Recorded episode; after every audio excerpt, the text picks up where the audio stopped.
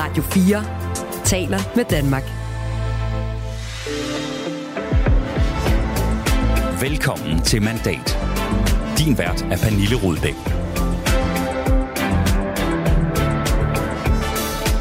Så skete det endelig. Regeringen kunne trykke de grønne knapper i bund og sætte to streger under afskaffelsen af Stor Bededag. Der er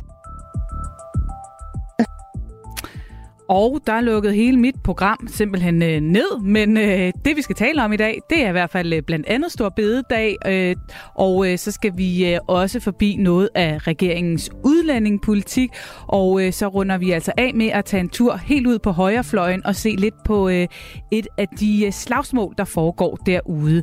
Tusind tak, fordi du lytter med. Du lytter altså til Mandat på Radio 4. Ja, Thomas Larsen, vi starter altså med lidt øh, tekniske problemer, men øh, det var der ikke i øh, tirsdags, da man afskaffede øh, Stor Bededag i øh, Folketingssalen, og øh, det er jo bare en af de ting, som regeringen har kunne øh, sige tjek til her de øh, seneste par dage. Der har også været en akutpakke, en inflationspakke, og så her i dag, der fremlægger man simpelthen den store uddannelsesreform. Er det for alvor øh, det, en regering, der er kommet op i tempo og begyndt at folde sig ud nu?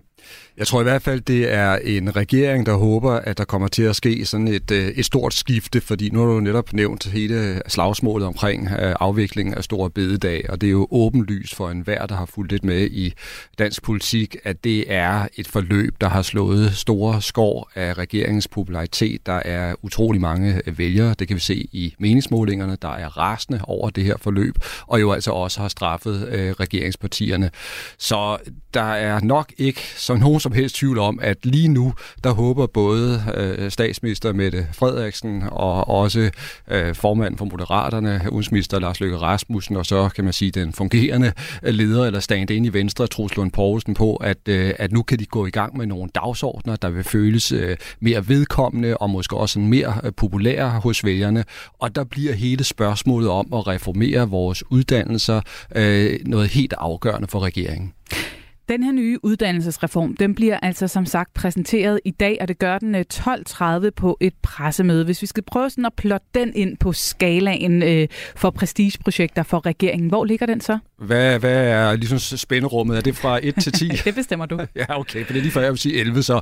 Fordi det her, det er et helt særligt projekt for øh, regeringen. Øh, internt i regeringen, der taler man om signaturprojekter, og det vil sige store politiske udspil, der har en særlig tyngde, øh, og som øh, virkelig er afgørende for regeringen at komme igennem med. Og det her uddannelsesudspil, der kommer, øh, det er af den her øh, kaliber.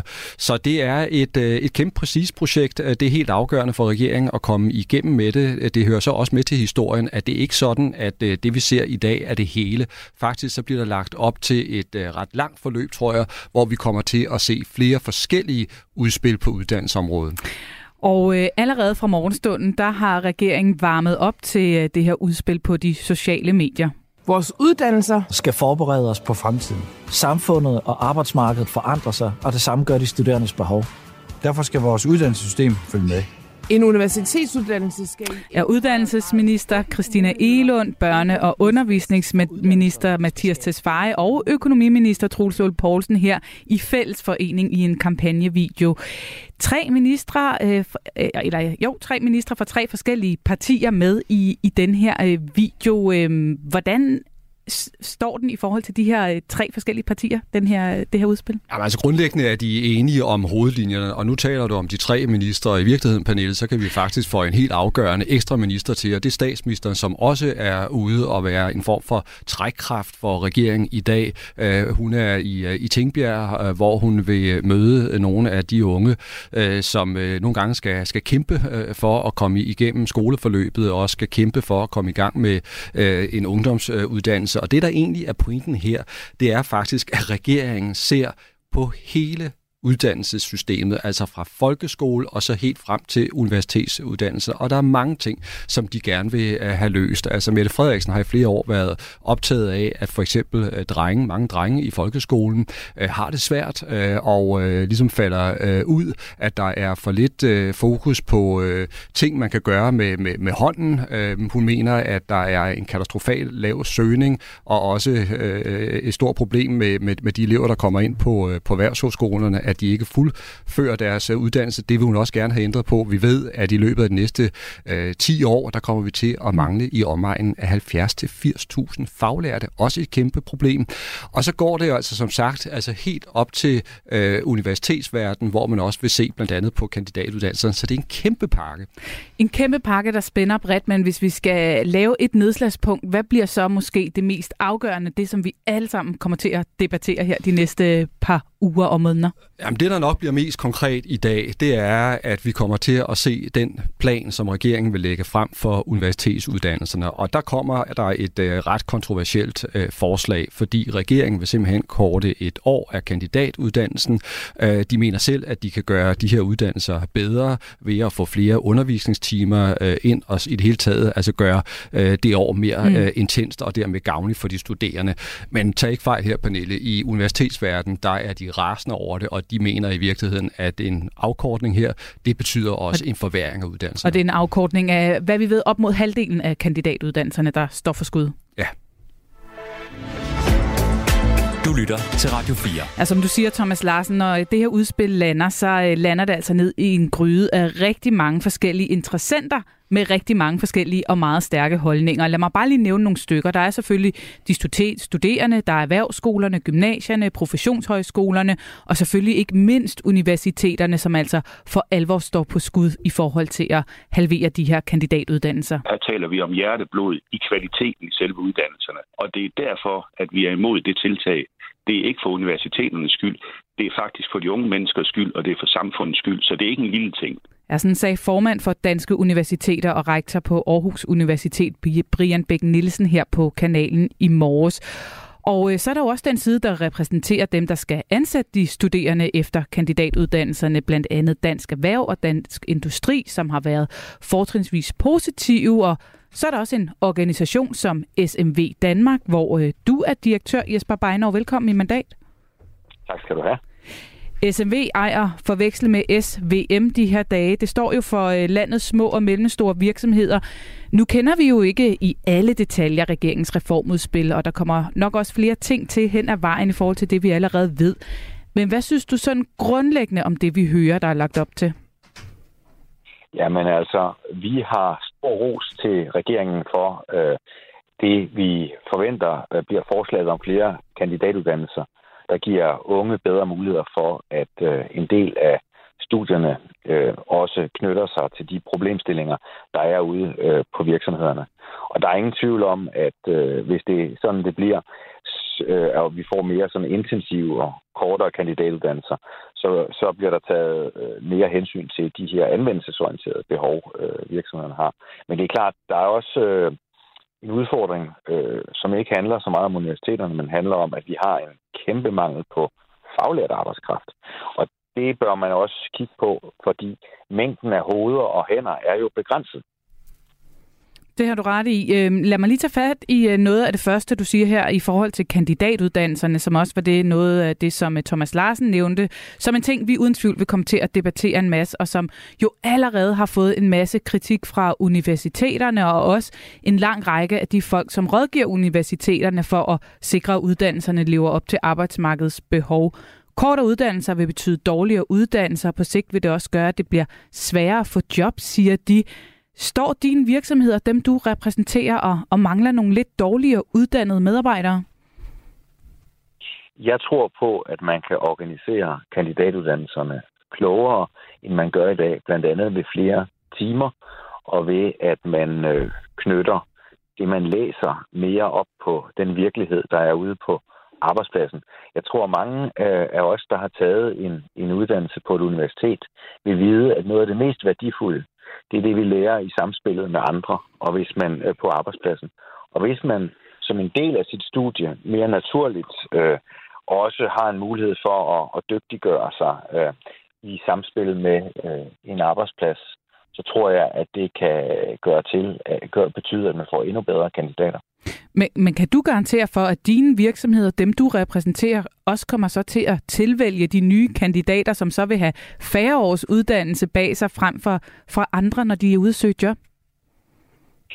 Ja, altså, vi tænker at uh, lægge os i selen for at få flere virksomheder til at benytte sig af øh, højtuddannet øh, arbejdskraft. Det er der ingen tvivl om. Ja, højtuddannet, så vil det vel også tage dem med, med flest års kandidat på, øh, på CV'et? Jamen altså, arbejdsmarkedet er jo ikke sådan, at det bare handler om, hvor længe man har læst. Det handler også om, at man har kvalifikationer, øh, man kan anvende. Og jeg tror, der er mange små og mellemstore virksomheder, som øh, hvis man erhvervsretter øh, uddannelserne lidt mere, at vi kunne få glæde af en, en, en højt uddannet.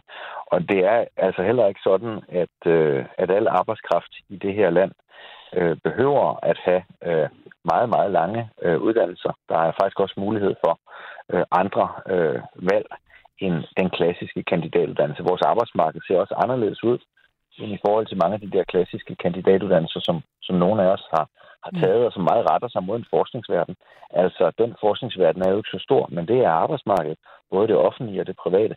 Så, så lidt mere målretning der, det tror jeg vil være noget, arbejdsgiver vil være rigtig glade for. Jeg tror også, at unge vil være glade for det, fordi så får de faktisk en, en relevant beskæftigelse i forhold til, hvad de læser, frem for at øh, de læser øh, et meget teoretisk fag, og så mm. får meget svært ved at få arbejds, arbejde sådan et sted. Nu har regeringen, så vidt vi ved, jo ikke lagt sig fuldstændig fast på præcis, hvilke kandidatuddannelser, som skal ændres. Det er i hvert fald ikke noget, de har været ude med endnu. Hvad synes du?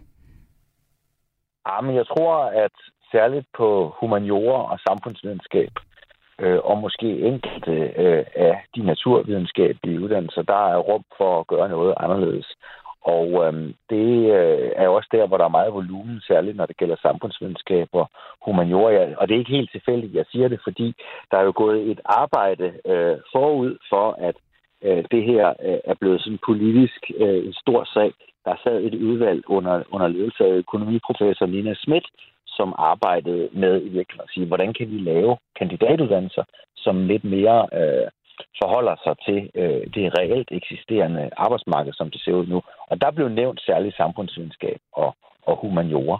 Øh, derimod tror jeg, at de der store, de der hårde fag med øh, sådan tekniske øh, videnskaber, øh, matematik og lignende ingeniøruddannelser. Altså, der er formentlig ikke så meget at hente der, men, men, men, men, men særligt humaniora og samfundsvidenskab tror jeg, der er et potentiale. Nu får vi jo det fulde udspil at se her om øh, ganske kort stykke tid. Øh, bliver I øh, medspiller eller modspiller på det, der bliver lagt frem?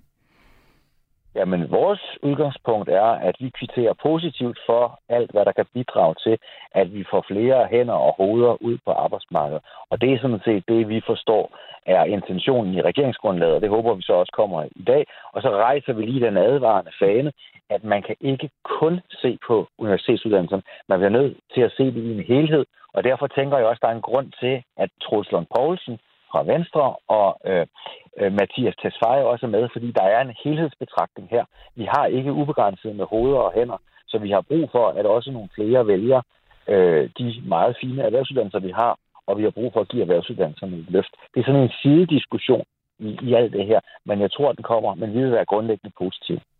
Tak for det, Jesper Beinov, direktør i SMV Danmark, og altså en af de mange interessenter, der nu skal forholde sig til det, regeringen ligger frem, og som kommer til at have sin egen dagsorden og holdning til, hvad der er vigtigt og hvad der er bekymringer, bekymrende ved det. Og øh, så har vi også fået besøg her i studiet af dig, Erik Holstein. Velkommen til. Tak skal du have. Politisk kommentator på Altinget. Øh, hvad er det dog for en opgave, som øh, Elund og Company her har kastet sig ud i, eller kaster sig ud i senere i dag? Så man kan sige, selve problemet er jo reelt nok, det tror jeg øh, erkendes af alle, at øh, der uddannes øh, alt, alt for mange altså på universiteterne efterhånden, og alt for få øh, tager håndværkeruddannelser, alt for få tager øh, velfærdsuddannelser. Øh, altså en stor del af den der arbejdskraftmangel, man bliver ved at snakke om, øh, jamen den skyldes måske virkelig, at man simpelthen uddanner forkert. Det kunne være, at man slet ikke havde nogen arbejdskraftmangel, hvis man bare uddannede i forhold til, øh, hvad der var mere behov for i, i samfundet. Ikke? Så det er selvfølgelig det, de gerne vil have fat i helt grundlæggende, der har Beiner, som vi hørte før, jo ret i, at, at, øh, at for regeringen er det her en helhed. Man vil skære ned på nogle øh, øh, kandidatuddannelser. Øh, til gengæld vil man opprioritere de der erhvervsuddannelser, som er blevet sjoflet overvis. Øh, øhm, så øh, selve øvelsen, tror jeg, der vil være ret stor forståelse for. Så spørgsmålet er, hvilke metoder man griber fat i. Ja, hvad tænker du der? Ja, altså, en del af kritikken går på, at man netop gør øh, kandidatuddannelsen dårligere, fordi man så øh, skal sætte den på et år i stedet for to. Øh, og det er jo ikke sikkert, at man bare kan gøre den smartere og klogere, og man så kan vinde det hele ind på den måde, som, som Barno siger der. Øh, så det er jo øh, en reel bekymring.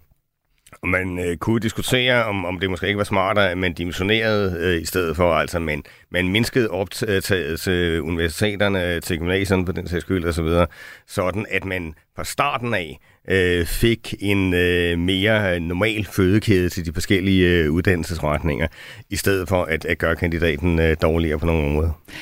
Nu øh, nævnte jeg øh, her øh, listen af interessenter. Den er sikkert meget, meget længere. Universiteterne, erhvervslivet, de studerende. Øh, der kommer til at være masser af debat og masser af holdninger til det her. Hvad er det for en gryde af interessenter, som, øh, som regeringen stikker hånden ned i nu? Det er jo et vipsebo, altså det er der ingen tvivl om. Nu øh, Barnau er altså en af de mere venlige, der ikke stikker særlig meget, ikke? men er det klart, at dele af erhvervslivet er faktisk synes, det er en rigtig god idé. Øh, men Øh, dem, der kommer til at råbe højst, det er selvfølgelig dem, der er utilfredse. og det vil, det vil hele universitetsverdenen jo være. Øh, både studerende og øh, ja, altså hele det akademiske miljø. Man har jo allerede hørt øh, protester, øh, allerede før det hele er fremlagt. Ikke? Så der kommer en ny øh, storm mod regeringen, der plus regeringens, øh, eller Socialdemokraternes gamle støttepartier, Radikale og Enhedslisten, der jo også er markante modstandere af det. Ikke? Øh, så det bliver en sag, hvor man kan godt få et par indledende øh, skulderklap sådan diskret for dele af erhvervslivet på starten af, men ellers er det en sag, hvor, hvor regeringen igen kommer uden storm. Vi har jo set adskillige uddannelsesministre gennem tiden lægge sig ud med universitetsverden, Thomas Larsen. Altså, hvad er de for en størrelse at lægge arm med? Jamen det, der netop kendetegner de opgør, det er jo, at de ofte har været meget langvarige og meget, meget øh, hårde. Og øh, som også Erik er inde på, det er en verden, som, øh, som det er barsk at, at lægge sig ud med, øh, fordi der er øh, mange dygtige mennesker selvfølgelig, og der er også mange mennesker, der har direkte adgang til medierne og ved, hvordan man kører, kan man sige, en protest i, i medierne rettet mod en, en regering. Så på mange måder er det en, øh, en frygtindgydende modstander, som regeringen er op mod her. Nu har regeringen jo så kun lige sat de her øh, 95 grønne punktummer i øh, Stor Bededagstormværet, da de fik lov at stemme i øh, tirsdags i salen. To dage er der gået. Så øh, kaster de sig ud i øh, næste tiltag, som øh, ansynligt vil gøre en hel masse super vrede og øh, frustreret. Øh, Erik Holstein, er det øh, næste stormvær, som man sejler direkte ind i her? Ja, det sætter der ud til. Altså, man kan jo sige meget om den her regering, men den er jo i hvert fald ikke, den er ikke bange af sig. Den er, det, det, det, det, det, det, det, det, jo, det er meget frisk gjort, det der, ikke? Men, men altså... Øhm, øh, man kan sige, det her bliver det næste stormvejr, men så kommer der jo flere. Altså, så, øh, hvis vi bare kigger lidt længere frem, så kommer der opgør om seniorpension, der kommer opgør om øh, seniorjobordning osv. Så, så man er, altså, hvis man har lavet en strategisk planlægning for at blive uvenner med så mange vælgere som muligt på så kort tid som muligt, så har man jo gjort det rigtig godt, kan man sige. Ikke? Men det tænker jeg ikke at det, der er formålet nej, med det. Så nej, forklar altså, man, lige her, altså, øh, hvad, hvad er meningen med galskab? Altså, man, har, man har selvfølgelig, altså for eksempel det her område her, det er, det er klart, man er nødt til at gøre noget. Altså, der var, der var en udvikling, der var, var kørt galt. Jeg tror, hvis man kunne finde øh, en rationel årsag til den her... Øh, øh specielt regering rent faktisk er blevet dannet, så er det lige præcis noget som det her. Der, der har man tænkt sig fra Socialdemokratiets side, det får man aldrig nogensinde støttepartierne med på, og det er jo også fuldstændig rigtigt. Det kan godt være, at man måske havde fået SF, man havde i hvert fald ikke fået enhedslisten radikale med på det.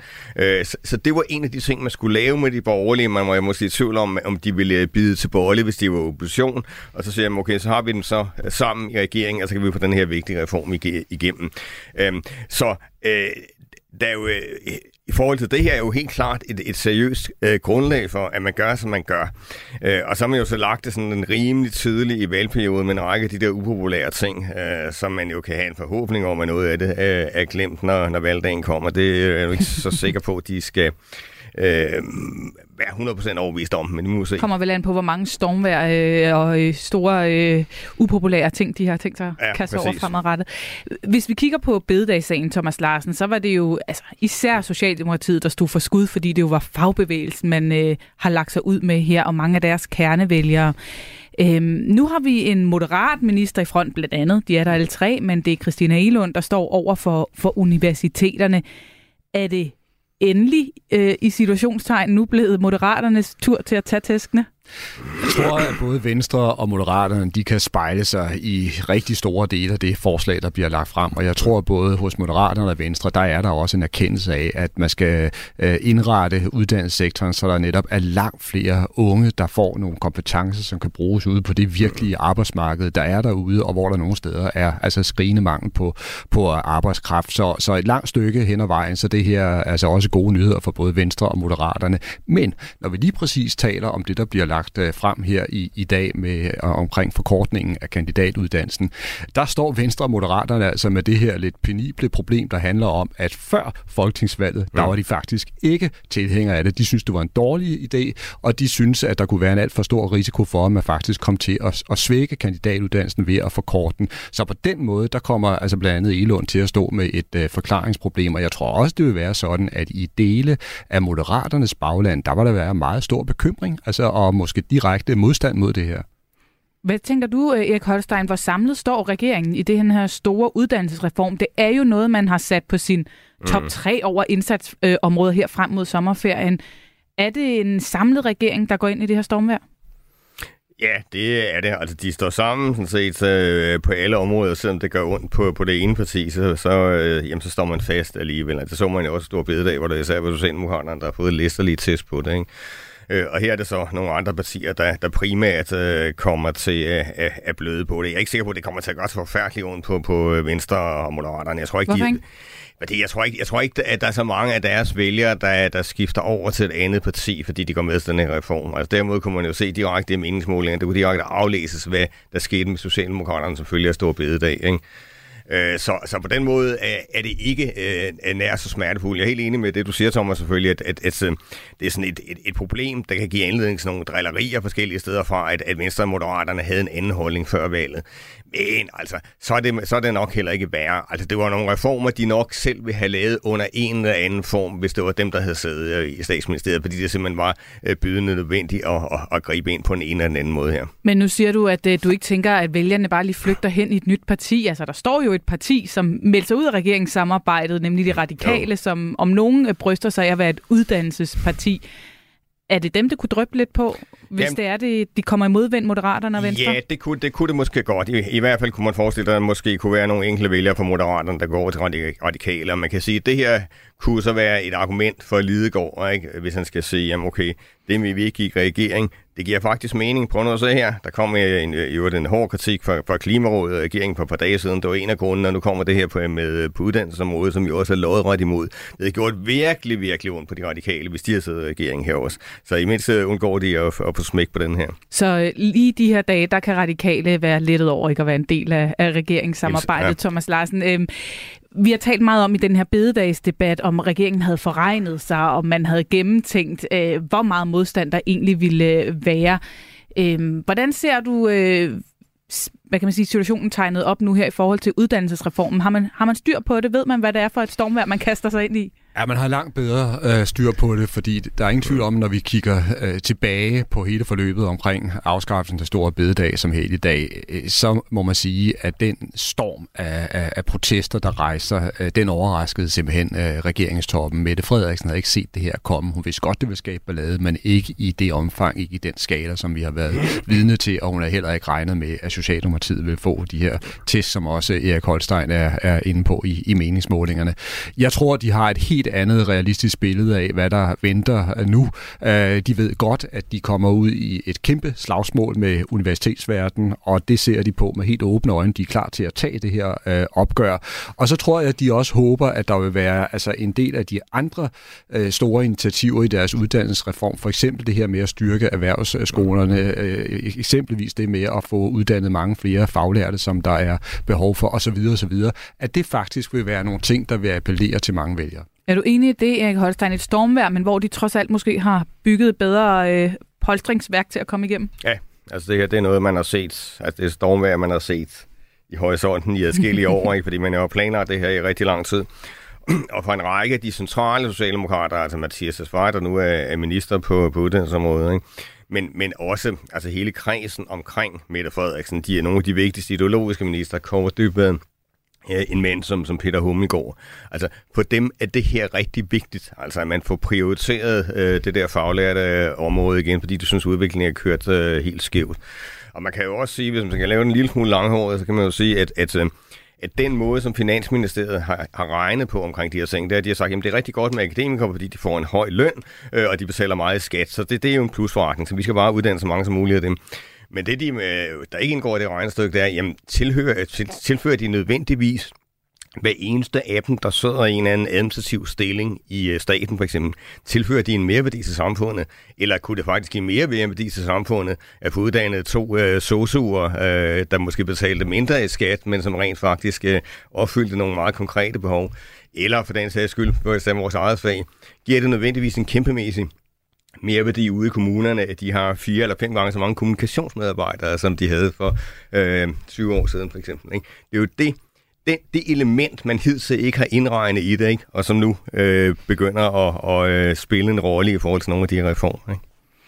Tak for øh, analysen, og Erik og Holstein bliver øh, endelig hængende. Vi er nemlig ikke øh, helt færdige med lige at vende regeringens øh, retning, der begynder for alvor at vise sig øh, de her dage. Du lytter til Mandat på Radio 4.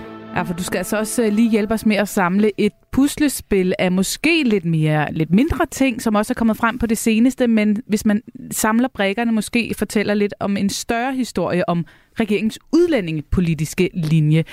I går der skrev DR, at øh, regeringen har besluttet sig for ikke at ville forbyde tørklæder i skolerne, som en kommission jo ellers foreslog tilbage i august. I forrige uge blev der vedtaget en akutbakke, hvor man lempede på blandt andet reglerne for sprog, sprogkrav til udenlandske sygeplejersker. Samme uge blev der vedtaget en inflationshjælp til børnefamilier, som fik øh, Danmarksdemokraterne, Dansk Folkeparti og Nye Borgerlige til at anklage regeringen for at give højere ydelser til arbejdsløse indvandrere, sagde sagde de. Og så er der jo altså også blevet åbnet op for, at øh, afghanske kvinder og flere syriske flygtninge kan få lov til at blive i Danmark, hvilket blandt andet har fået de her ord med fra Inger Støjberg. Og når det bekymrer mig, så er det selvfølgelig fordi, hvis man oversætter det, der står, så er det jo, at man har en adgangsbillet til at blive i Danmark, hvis man går i gang med at uddanne sig til det rigtige. Hvad så end det rigtige er, fordi det er slet ikke defineret. Og øh, Erik Holstein, så var der også lige det der udrejsecenter til Rwanda, som jo altså også er sat øh, på pausebænken. Mm. Når man lægger alle de her, øh, samler alle de her brækker, øh, hvad er det så for et billede, der tegner sig, mener du? Der tegner sig en lille, men dog øh, klar oplødning af den stramme udlændingepolitik. Altså, der bliver jo ikke ændret ved hovedlinjen. Altså, i, i forhold til øh, tilstrømning til Danmark og så videre, som er jo helt central i det. Altså, der holder man stadigvæk fast. Øh, men, altså man gør det en lille smule mere behageligt for nogle af de øh, flygtninge og indvandrergrupper, der er kommet til Danmark, altså blandt det, man snakker om, de der fattige børnefamilier.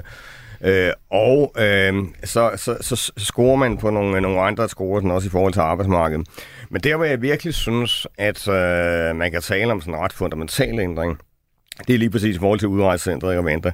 Fordi det var sådan et ikonisk forslag for Socialdemokraterne. Øh, men præsenteret det øh, halvandet år før valget i 2019 øh, som det forslag, der ligesom skulle øh, bane vejen for en helt ny asylpolitik, og dermed øh, i den grad bremse tilstrømningen øh, øh, til Europa, så man undgik en ny situation som i 2015. Det var det, men øh, hængte det hele op på, og der skulle Danmark gå forrest, hvis de andre EU-lande ikke ville være med. Så skulle Danmark gå forrest og vise vejen, så man kunne få en egentlig ændring af øh, EU's øh, asylpolitik. Og det har man jo altså sat på standby og sagt, jamen okay, nu gør vi først øh, en hel masse for at få EU med, som alle godt ved, at det kommer ikke til at ske de første mange år.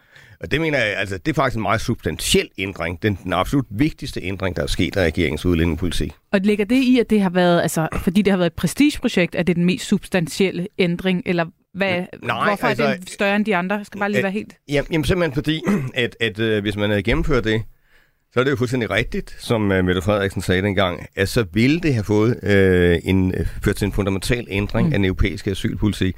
Jeg er ikke i tvivl om, hvis Danmark kom igennem med det, og hvis det var kommet til at fungere, så er det dannet skole for en række af de andre europæiske lande. Uh, så det er virkelig noget, der kunne have haft en, en, en meget afgørende betydning for, uh, hvor mange migranter og asylansøgere, der vil komme til Europa.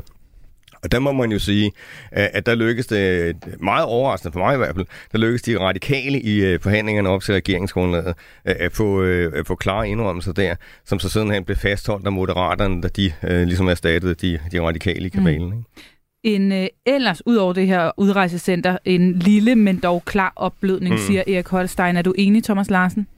Ja, det, det er jeg. Altså, øh, man kan sige, at Socialdemokratiet har jo selv lagt lidt op til, at der skulle ske nogle øh, justeringer. Jeg kan huske, da Mathias øh, Tesfaye kom til som, øh, som øh, i sin tid som, som, som udlændingeminister og skulle stå for, for det område, så sagde han, at vi skal have en, en, en stram udlændingepolitik, men det skal ikke være, være skør. Og det lyder jo sådan set også øh, ret øh, fornuftigt. Men det er klart, at det her, altså når vi taler om udlændingepolitikken, det er super følsomt, og det er det også for rigtig, rigtig mange vælgere derude derude, for hvem udlændingepolitikken stadigvæk har en, en, en kæmpe øh, betydning. Og det er simpelthen altså også så svært for en regering at navigere i det, tror jeg også, det bliver for Socialdemokratiet. Fordi når man for eksempel altså ser nogle af de øh, flygtninge, som gør alt, hvad de kan for ligesom at tilpasse sig, lære sproget, øh, uddanner sig og, og, og kan få øh, arbejde, ja, så er der jo mange, der vil sige, jamen, jamen, jamen dem vil vi jo godt give altså en, en ekstra øh, håndsrækning. De fortjener at, at blive, øh, og især hvis de også kan øh, være med til at at, sikre noget arbejdskraft på et område, hvor vi virkelig har, har brug for det. Men jeg kan godt sige, at man behøver heller ikke at læse ret langt ned i kommentarsporene på de sociale medier, mm. hvor man så hører en hel masse mennesker sige, ja, det er så fint, men hvad så med alle dem, der ikke vil vores samfund, mm. og som laver kriminalitet, øh, underminerer vores værdier, og som vi simpelthen ikke kan sparke ud af landet. Og det siger bare lidt om de her dilemmaer, som hele tiden er forbundet med udlændingepolitik. Jeg er helt enig, og man kan også sige, at det er jo meget, meget svært at, at administrere øh, sådan som man rigtig gerne vil. Fordi hvis man laver en ændring øh, over for nogen, som du siger, altså nogen, der gerne vil det danske samfund, og man siger, at alt andet lige, de burde være her. Så den er det jo i mange situationer præcedensændring for en række andre, ikke? som man måske ikke ønsker skal være i landet. og, øh, og hvis man så laver en gruppe for, eller en ændring for en gruppe, uden at gøre det for andre, jamen, så kan man blive øh, anklaget for at diskriminere og alt det der. Øh, de internationale konventioner og alle mulige andre, de kan, øh, ting, de kan også komme til at spille ind i det. Derfor er det meget svært at lave en lovgivning, som man egentlig synes er fornuftig, og som man gerne vil have den, fordi det øh, omgående får konsekvenser på en række andre områder. Hvis man øh, spørger regeringen selv, så er der jo intet, der er forandret. Øh, vi skal lige prøve at høre, hvad udlændingeordfører i Socialdemokratiet, Kasper Sankær, sagde i øh, forrige uge, da han var med i vores debatprogram Det Røde Hjørne. At så er udgangspunktet, at det er midlertidigt. Altså, at man skal være her, og vi tager imod og hjælper, så længe man har brug for beskyttelse. Når der ikke længere er brug for beskyttelse, altså fordi der er fred, ro, stabilitet i øh, det land eller det område, man er flygtet fra, så skal man vende hjem det princip, det står vi fast på, og det er jo noget af det, vi er uenige med øh, Enhedslisten og Alternativet om, og er enige med øh, Inger Støjberg øh, om. Og så ved jeg godt, at hun nu forsøger at skabe en eller anden dagsorden om, at udlændingepolitikken øh, bliver lempet, og derfor er det jo bare rart at få øh, anledning her til at sige, at det er der overhovedet ikke øh, tale om. Thomas Larsen, øh, har han lidt ret i, at det her også bare er meget nemt for øh, oppositionen på, øh, på højrefløjen og, og angribe regeringen på mere, end der er noget stor, en stor substantiel forandring i linjen? Jeg mener stadigvæk, ligesom Erik Holstein, at vi øh, taler om nogle øh, mindre justeringer forløbig, altså inden for udlændingepolitikken, når vi altså ser bort fra hele Rwanda-spørgsmålet, øh, hvor der netop er tale om altså en, en, en, en virkelig stor øh, kursændring. Det er jeg fuldstændig øh, øh enig øh, øh, i. Øh, og derfor så tror jeg også stadigvæk, at øh, der er mange øh, vælgere derude, der har, øh, har tiltro til, at Socialdemokratiet vil, øh, vil føre en stram udlændingepolitik, og det er noget, der er vigtigt for mange af de øh, vælgere, fordi vi kunne simpelthen se, at da Mette Frederiksen jo, øh, da hun blev ny socialdemokratisk formand, øh, lagde kursen om i Socialdemokratiets udlændingepolitik og groft sagt gjorde den strammere, så kom hun simpelthen også i meget større samklang med mange af de socialdemokrater, der i overvis, jeg vil nærmest sige årtier, havde været frustreret over Socialdemokratiets udlændingepolitik, og jo i virkeligheden også i en lang periode altså havde forladt partiet og var gået mm. til især Dansk Folkeparti. Og det tror jeg også er noget, som Mette Frederiksen, altså den dag i dag, er ekstremt bevidst om. Altså, at hun kan godt lave nogle justeringer, men hun ved også, altså, at der går en, en, en, en grænse, og hvis hun overskrider den, så vil der pludselig komme altså, en form for manglende troværdighed omkring Socialdemokratiets udlændingepolitik hos mange vælgere. Du nikker, Erik Holstein. Altså, selvom det er en lille opblødning, mm. er den så stadig øh, risikabel? Ja, Det er det. Altså området er ekstremt sprængfarligt stadigvæk, og så man kan lave alle de der målinger med, at, at udlændingepolitikken ikke er på toppen af vælgernes mm. dagsorden mere. Jeg er helt sikker på, for rigtig, rigtig mange vælgere, det kan godt være, at det ikke er det vigtigste politiske emne, så er det måske nummer tre eller fire, at det er en underliggende dagsorden for rigtig, rigtig mange, og grunden til, at det ikke spiller en fuldstændig centrale rolle i øjeblikket, jamen det er jo netop fordi, man har en fornemmelse af, at der er styr på det. Man har en fornemmelse af lige pludselig, at nu begynder det at skride, øh, som jo netop kunne være nogle lovændringer, men som også kunne være et, øh, et resultat af, at der igen begynder at komme flere flygtninge til Europa. Det gør der jo allerede, hvis man kigger på de øh, Europas sydlige grænser. Ikke? Øh, jamen så bliver det ekstremt hårdt igen, så det er enormt vigtigt for Mette Frederiksen at bevare sin troværdighed her. Og så kan man måske lige tilføje også, at, at, at, at særligt nu, hvor hun har haft alt det ballade med stor bededag, skal hun passe rigtig meget på også på udlændingområdet, fordi mange af de vælgere, hun er ved at miste i forbindelse med stor bededag, øh, ja, det vil være nogle af de samme vælgere, som også er enormt skeptiske, hvis man begynder at røre ved udlændingområdet. Jeg er fuldstændig enig, og så er det helt centralt det, som øh, Erik har fat i omkring det pres, der igen begynder at være på Europa, altså øh, i, i skikkelse af flygtninge og øh, migranter, der i stigende grad banker på, på døren til Europa for at, at komme ind. Det er jo rent faktisk sådan, stort set, mens vi, vi, vi taler, så er, er, er det her måske en af de allermest afgørende dagsordner, som Kåre Dybvad Bæk følger, altså som udlænding og integrationsminister. Der er allerede krisemøder på EU-plan, altså hvor man diskuterer intens, hvordan skal man gøre, og hvad sker der, hvis vi i virkeligheden er begynder at være vidne til, til, til noget, der kan udvikle sig til, til den her øh, flygtninge- og migrantkrise, som vi oplevede i, i 2015 og 2016. Så det betyder også, det her det er et område, der, der er i, øh, i bevægelse. Øh, der er enormt mange mennesker, der gerne altså, vil til, til, til Europa og, og, og presser på, og Europa står ikke særlig godt rustet til at klare den her udfordring efter rigtig mange eksperters mening. Nu taler vi meget om Mette Frederiksen, om Kort Dybvad Bæk, om Socialdemokratiet. Er det primært en, en øh, risikabel opblødning for Socialdemokratiet, eller hvad med et parti som Venstre for eksempel? Jamen, Venstre øh, kan også øh, klart få problemer på den. Det, det er der ikke nogen tvivl om. Altså, Støjberg øh, har jo sådan surrøret direkte ind i Venstre, ikke? Og, og hun vil selvfølgelig øh, benytte sig af hver chance for at vise, at, at det er et eksempel på, at ens gamle parti fuldstændig har tabt sutten. Ikke? Altså, det, det, det er der ingen tvivl om. Så Venstre skal også passe på. Øh, Moderaterne har ingen problemer. Det har nærmest været øh, deres kendetegn, ikke? at de som de nye radikale, de nye mere effektive radikale, øh, skulle gå ind og få, få ændret på den der udlændingepolitik. Det er jo sådan den, den nye lykke, efter han så i øvrigt altså var i, i spidsen for en ene strammer regering efter den anden gennem øh, rigtig mange år, men altså den genfødte lykke har haft det som projekt. Ikke? Nu øh, talte vi før om uddannelse, vi har talt om bededag. Det er jo, øh, det er jo nogle store sager, regeringen er kørt igennem med her, og uddannelse et prestigeprojekt, som man ved, man kommer ind og bliver uvenner med en masse ting. Der er jo ligesom ikke varslet nogen store tiltag på udlændingepolitikken. Altså, det var også de små brækker, jeg samlede her. Thomas Larsen, er det en klog strategi, tænker du, for, for regeringen her, at det ikke er blevet gjort til et, et, en stor dagsorden, man selv ønsker at sætte altså på udlændingepolitikken? Ja, og så er problemet bare i politik, man kan ikke altid kontrollere dagsordnerne, og den her dagsorden, den kan i høj grad komme til at blive forstærket af, af det pres, som vi taler om, der er på mm. Europas grænser i, i dag. Så det kan godt være, at der er en del altså politikere, og der er en del ministre, og helt taget en del partier, der egentlig ikke ønsker, at udlændingepolitikken skal, skal, skal fylde så meget, kan man sige, men som måske lige pludselig kommer til at erkende, at det gør den simpelthen, fordi uh, der vil være så stort pres på, på uh, Europa. Øh, lige her og nu, der kan man sige, der er det ikke sådan for alvor, altså et problem for, for, for øh, regeringen eller for øh, Mette Frederiksen, som vi er øh, inde på. Øhm, og der tænker jeg, at øh, noget af det, som vi måske lige mangler at komme omkring, Erik, det er jo så også, at, at, at nogle af, af hendes øh, kritikere på det her felt måske heller ikke står særlig stærkt i dag. Altså nye borgerlige mm. øh, har jo nok at gøre med at, at kæmpe sig ud af deres egne interne kriser. Dansk Folkeparti øh, er også i gang med en, en kæmpe genopbygningsproces. Øh, mm. Og så nævnte du Inger Støjberg, som helt klart vil, øh, vil sidde på lur, hvis hun ser, at regeringen vil begynde at, at lempe for meget. Men samtidig er det også interessant med Danmarksdemokraterne, at de jo sådan set altså, går ind for noget mere øh, udenlandske arbejdskraft. Mm. Jamen, det er rigtigt.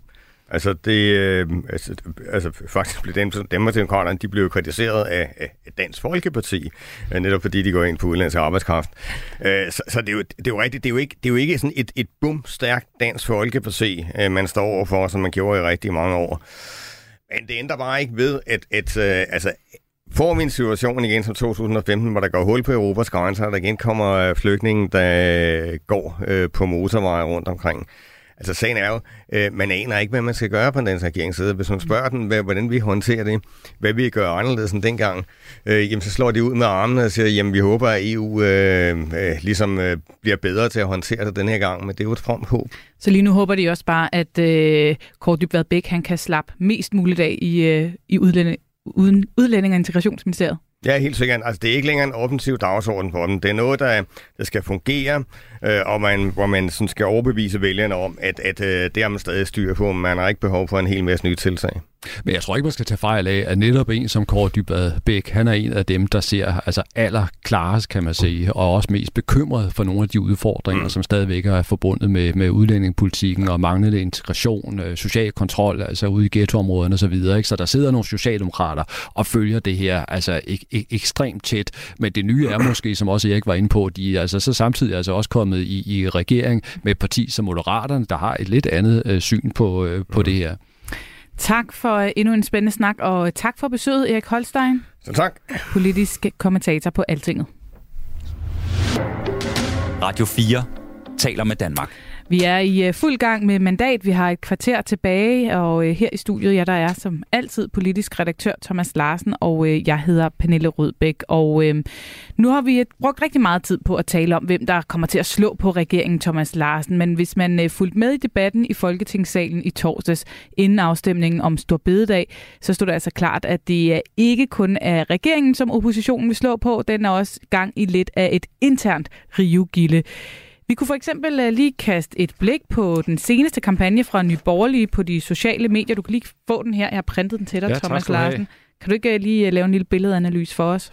Jo, der har vi så øh, et, øh, et billede af, af Alex Vandopslag og Mette Frederiksen og, og Søren Pape og fra de konservative, og så står der sådan som overskrift, sidste år kaldte de Mette Frederiksen for magtfuldkommen prik, prik, prik, og nu bakker de hende op i selvsamme øh, magtfuldkommenhed. Og det er altså Nye Borgerlige, der har sendt den her afsted, og det er klart, de retter altså så skytset mod Vandopslag og, øh, og, og Søren Pape, fordi de synes, at de er alt for mm. ukritiske over for Mette Frederiksen. Ja, så der bliver øh, sendt en lille lussing afsted fra Nye Borgerlige til Vandopslag og Pape. I øh, sidste uge, der var det Dansk Folkeparti, der var på den blå kristi med et øh, debat, debatindlæg fra Anders Vistisen, hvor han så angreb Nyborgerlige og Danmarksdemokraterne for at føre det, han beskrev som øh, løgnagtig trumpisme, noget som han øh, uddybede i øh, vores debatmagasin Det Blå Hjørne sådan her. Jamen, det farlige udviklingen øh, er for mig, hvis man kontinuerligt, altså vedvarende, bliver ved med at sige noget, der faktuelt er forkert, øh, og man, man er opmærksom på, klar over, har kendt er faktuelt forkert, med det øh, formål at, øh, at få større øh, opbakning blandt vælgerne, men jo også med det bieffekt, at de selv samme vælgere jo så bliver foranledet til at tro på, at, øh, at det faktuelt forkerte er retvisende. Og der er øh, eksemplet, jeg så har hævet frem, også fordi jeg ikke altid sådan synes, det er ordentligt bare at svine sine politiske modstandere på venstrefløjen til. Det er jo så Lars Bøge Mathisen i forhold til hans øh, blæsen til øh, coronaskepsis og troen på, at World Economic Forum er en eller anden form for verdensregering, der detaljstyrer alting lige ned til, hvem der sidder her og debatterer i dag. Og i forhold til Inger Støjberg, der er det hans, hendes retorik om, at man kan lave meget markant opgør på udlændinge- og retspolitikken, men samtidig holde fast i de internationale konventioner. Det er jo, øh, har vi jo rigsrettens ord for, at det kan ikke øh, lade sig gøre. Man er nødt til enten at sige, at man overholder konventionerne, eller at, at have det her opgør på de her områder, der, der er defineret af konventionerne. Ja, så nye øh, borgerlige, de slår lidt på LA og K, og DF står, slår lidt på øh, Danmarksdemokraterne og øh, nye borgerlige. Altså, hvad i alverden er det, der, der foregår derude? Hvorfor har de så travlt med at slå på hinanden, Thomas Larsen? Jamen, det er øh, interessant. Man taler jo nogle gange sådan om, om den blå familie, ikke? og her kan vi så konstatere, at, øh, at inden så føler de sig ikke ret meget i familie med hinanden for, for tiden, eller, eller også er det en lidt øh, dysfunktionel øh, familie, som vi, vi, vi, vi ser øh, ind i øh, nu. Jeg tror, at, øh, at det, man skal forstå, det er, at øh, der er en meget, meget hård, kan man sige, kamp i gang om, hvem der skal være store og små, og, og, og en hård kamp, der handler om at kunne appellere øh, så stærkt og direkte til vælgerne som overhovedet muligt. Og det er klart, hvis vi ser især på, øh, på Dansk Folkeparti øh, og også Nye Borgerlige, der taler vi om to partier, der har været igennem nogle meget svære forløb, øh, og som jo også befinder sig altså på øh, et meget lavt niveau i, i meningsmålinger. Og det vil sige, at de har et mål nu. Og det er simpelthen at komme til at vokse igen, det er at komme ud og få fat i nogle vælgere, og det må så også gerne ske på bekostning af nogle af konkurrenterne i Blå Blok. Så der er, kan man sige, no mercy, der er ingen noget her. Øh, de, øh, de prøver simpelthen at, skal vi sige, maksimere, øh, forstærke støtten til deres egne partier i, i øjeblikket. Og så tror jeg også, man skal forstå, at det her, det er meget tidligt i en, i en ny regeringsperiode. Det vil sige, der er ret lang tid til næste folketingsvalg, formentlig i hvert fald. Øhm, og derfor så tror jeg ikke, der er ret mange af de blå partier, der sådan for alvor føler, at de skal samle sig øh, lige nu. Øh, de kæmper mere for deres øh, eget ståsted og for deres øh, egen position lige nu. Så hvad er konsekvenserne set med dine øjne af, at der bliver slåsset så meget ude i den blå familie? Ja, altså en af konsekvenserne er jo helt henlysende, at det er, at det er noget, der er en lettelse for regeringen. Det er slet ikke sekund i, i, i tvivl om, fordi øh, i regeringslejren, øh, nu også hvor man har haft det her altså kolossalt svære tid omkring altså, stor bededag, ikke? Øh, der er det jo rent faktisk øh, pragtfuldt, at øh, partierne i Blå Blok, de har mere travlt med at, at slås med hinanden, ikke, end at rette skytset mod øh, regeringen. Så jeg er ret sikker på, at øh, både Lars Løkke Rasmussen øh, lige nu og Mette Frederiksen Frederiksen og Troels Lund Poulsen, altså de sidder med sådan en vis lettelse og følger de her interne skærmysler i, øh, i blå lejre.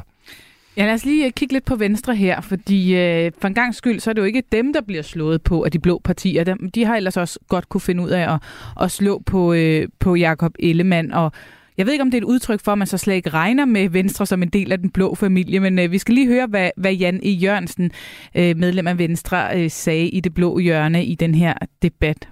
Altså, Anders formulerer sig lidt hårdt, øh, vil jeg sige, men jeg vil også godt sige tak øh, for, øh, for den klumme, fordi jeg er der ikke et sekund i tvivl om, at den har meget større effekt, når det er Anders Vistisen fra Dansk Folkeparti, der skriver den, end hvis det havde været mig fra Venstre, der havde skrevet den, fordi så tror jeg, at alle de her øh, havde sagt, om det er bare ham der, øh, den små radikale øh, venstremand, ham kan vi ikke bruge til noget som helst. Ikke?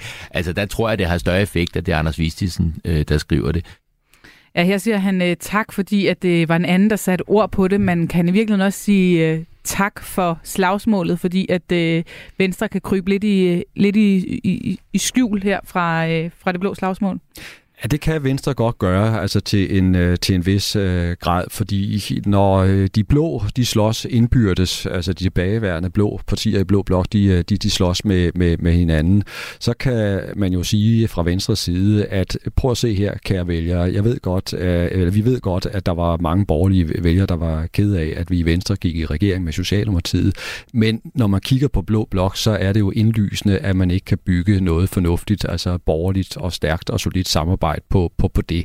Øh, så det er sådan, jeg tror, altså Venstre kan, kan, kan bruge det, og så tror jeg selvfølgelig også i Venstre, der er en kæmpe lettelse øh, over, at de blå partier, de netop slås med hinanden, i stedet for at blive ved med at rette skytset mod øh, Venstre, og blive ved med at, øh, og skal vi sige, forstærke den her fortælling om, at Venstre har, har svigtet det borgerlige Danmark, og øh, nu føler sig tættere på Socialdemokratiet end med de andre øh, borgerlige partier, fordi den debat er stadigvæk enormt farlig for Venstre, hvis den for alvor får luft under vingerne og kommer til at fortsætte. Men man må jo sige, at Jakob Ellemann Jensen på en eller anden måde fik ret i den fortælling, øh, han havde, da han sådan officielt meldte sig ud af Blå Blok og, og præparerede for på det her landsmøde for, at øh, man muligvis ville gå i regering med Socialdemokratiet, så kan han lige blive, ligefrem blive belønnet for at have haft ret, eller tænker vælgerne måske ikke så langt?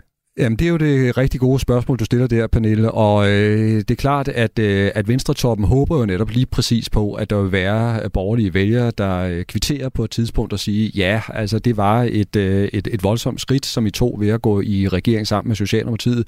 Men vi kan se, at I får noget godt igennem. Øh, det er det, Venstre øh, håber på. Og så håber Venstre også på, at øh, der er en del vælgere, der netop, når de følger slagsmålene i Blå Blok, vil sige, jamen, jamen det hænger jo ikke sammen. Altså, de, de spiller ikke godt sammen. De vil ikke hinanden.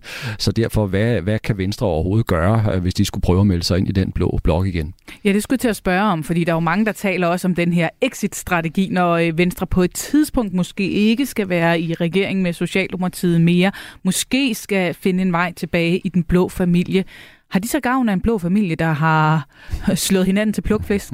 Jamen altså, det er stadigvæk et helt afgørende spørgsmål, som vi ikke kan øh, besvare her og nu, Pernille, om, om, om, om Venstre altså kan blive regering, om de kan holde øh, til det. Fordi ser vi på meningsmålingerne lige nu, så er de altså virkelig nedslående for, for Venstre. Altså Venstre er gået ind i den her regering, de får indflydelse, ingen tvivl om det, men de betaler også en enorm politisk pris for det. Altså i nogle af de målinger, vi har set i de aller værste øh, af dem, der har Venstre altså rent faktisk været, været nede under 10 procent, og det er simpelthen altså det er en katastrofe for partiet. Det, jeg tror, man skal forstå, det er, at øh, her og nu, der byder, der byder venstrefolkene altså tænderne sammen, og så øh, kører de på, og så håber de, at øh, de kan bevise over for vælgerne, at, øh, at det er klogt og fornuftigt, de går ind i, i, i regeringen. Men hvis målingerne bliver ved med at være elendige, så kommer de simpelthen til at, at gøre status på et tidspunkt, og det bliver formentlig, tror jeg, sådan et eller halvanden år ud i fremtiden, hvor de så skal kigge hinanden i øjnene og sige, skal vi prøve at køre videre med det her, skal vi gå til valg på og, og, at fortsætte, eller øh, vil det i virkeligheden ende med at tage livet af partiet? Du lytter til Mandat på Radio 4. Og der er øh, fem minutter tilbage, Thomas Larsen, hvor vi øh, lige kan nå at kaste blikket frem mod i morgen, hvor at, øh, ja, efter vi har overstået uddannelsesreformsfremlæggelse i dag, også sker øh, interessante ting øh, på Christiansborg. Det er jo nemlig sådan, at øh, den her dybvad øh, Dybvad udvalget hedder det, præsenterer en rapport under overskriften af Slotsholmen i krise. Hvad bliver interessant at følge med i her?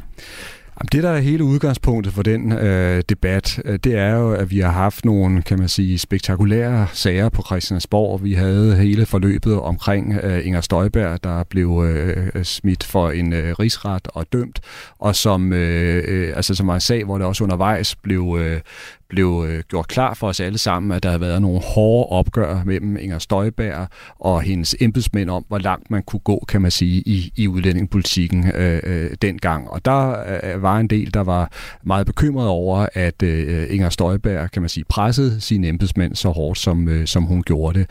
Og så har der selvfølgelig også været altså hele øh, Mink-skandalen, eller Mink-sagen, øh, som jo også har handlet om, at, øh, at der har øh, været øh, også øh, kampe ikke? Altså mellem, mellem regeringstoppen og, og, og, og embedsmændene. Det er noget, der har bekymret øh, embedsmændenes øh, fagforening eller organisation, øh, Djøf, øh, og de har i det hele taget sådan hen over en overrække advaret mod, at der sker øh, det, de kalder for en politisering af embeds værket. Det vil sige, at øh, embedsmændene bliver presset for hårdt af ministerne og politikerne.